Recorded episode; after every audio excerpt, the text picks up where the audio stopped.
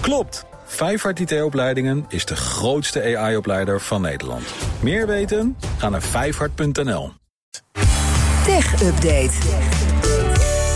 Krijgen we vandaag van Michiel Jurjens. Hey Michiel. Goedemiddag Lisbeth. We beginnen met Samsung, want uh, Samsung gaat over een paar weken nieuwe smartphones onthullen. Ja, zij kondigen vandaag aan dat er op 1 februari, over precies drie weken, een zogenaamd Galaxy Unpacked event gaat zijn. Cool. Wat eigenlijk gewoon hip taal is voor een product. Het is gewoon de tegenhanger ja, van de One More Thing van Apple, toch? Ja, precies. Ja. Wat ook gewoon een productpresentatie is, maar dan met een hipper woord. We gaan daar naar alle waarschijnlijkheid kennis maken met de Galaxy S23-serie. Dat worden dan drie nieuwe smartphones. Een gewone S23, nog een Plus en ook een Ultra variant. 200 megapixel camera, waarschijnlijk ook een ander soort chip dan Samsung in zijn vorige telefoon stopte. Ook wel interessant. Volgende maand dus de presentatie. Dan kan die meteen besteld worden ook. Samsung kan wel een succesje gebruiken. Het gaat daar niet zo lekker. De smartphoneverkoop die valt enorm tegen de afgelopen maanden. Vorige week nog rapporteerde Samsung de sterkste winstdaling in 10 jaar tijd. Dus het zou fijn voor ze zijn als dit ja. een klapper wordt. Maar zoals jij nu die S23-serie uitlegt, denk ik niet, wow, dat is echt heel erg innoverend, die nieuwe smartphone. Ja, die megapixels. Ja, nee, ja camera weer beter. Hij, hij is ook wel echt uh, sneller en uh, beter. Betere batterij door die nieuwe chip-technologie okay. ook. Maar uh, we gaan ongetwijfeld een presentatie krijgen. En dan, dan, dan wordt dat de meest bijzondere telefoon ooit. Als we Samsung moeten geloven. Reken daar maar op. Dan een opvallend verhaal uit Seattle. Want scholen in die stad klagen de grote social media bedrijven aan. Ja, de koepelorganisatie voor het openbare onderwijs in Seattle dient een aanklacht in tegen de moederbedrijven van Facebook, Instagram, TikTok, Snapchat, YouTube.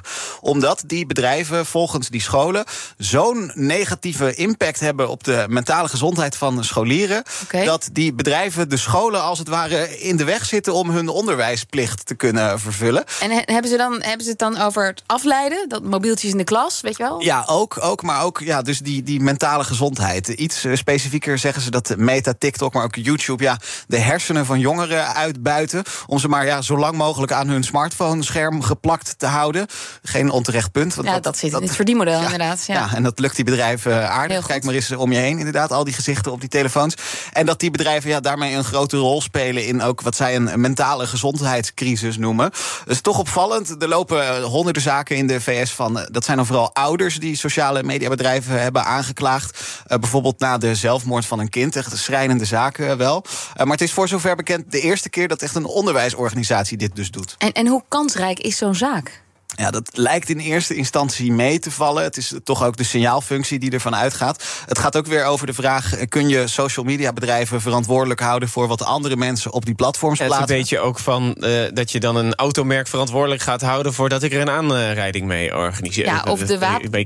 In de wapenlobby zeggen ze altijd: ja, wapens doden geen mensen, mensen doden mensen. Ja. Precies, precies. Dus ja. die vraag heb je hier ook een beetje. Dat is iets waar ook het Amerikaans Hoge Rechtshof zich nu wel mee bezighoudt.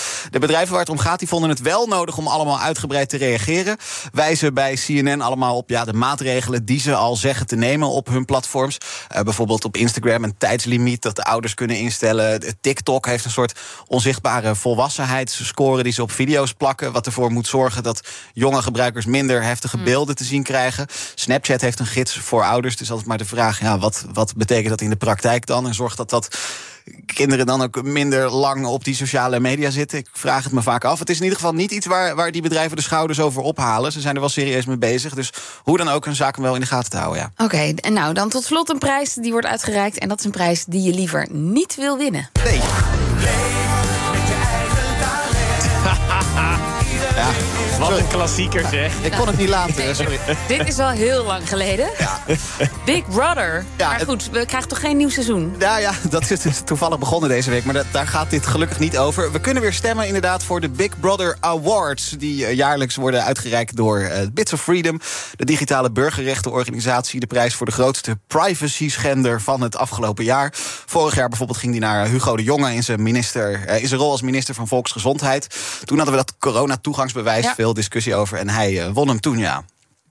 En uh, ja, wie maken dan dit jaar die kans? Ja, ik ga er even snel doorheen. Shortlist van vier genomineerden. En iedereen die dat wil kan stemmen op de website van eh, Bits of Freedom. Het zijn vier vrouwen die dit jaar kans maken. Even in willekeurige volgorde.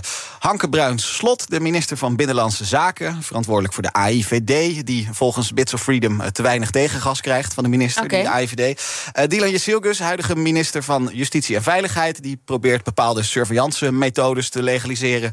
Die volgens Bits of Freedom in ieder geval niet helemaal in de haak zijn. Femke Halsema, burgemeester van Amsterdam. Dan gaat het uh, om dat top 400-programma om jeugdcriminaliteit tegen te gaan. Is privacy schending, zegt Bits of Freedom. De enige buitenlandse genomineerde is Ilva Johansson, eurocommissaris. Die is bezig met een wetsvoorstel om chatberichten van Europese burgers te kunnen inspecteren. Officieel in de strijd tegen kindermisbruik, maar volgens Bits of Freedom een groot gevaar voor de vertrouwelijkheid van online communicatie. Uh, nou ja, stemmen kan en over een maand weten we wie van deze vier naar huis gaat met die Big Brother Award. En dan kom jij dat vast vertellen. Zeker weten. Dankjewel, Michiel Jurjens. De BNR Tech Update wordt mede mogelijk gemaakt door Lenklen. Lenklen. Betrokken expertise, gedreven resultaat. Klopt. Vijfhart IT-opleidingen geeft jou een vliegende start met ChatGPT. Meer weten? Ga naar vijfhart.nl.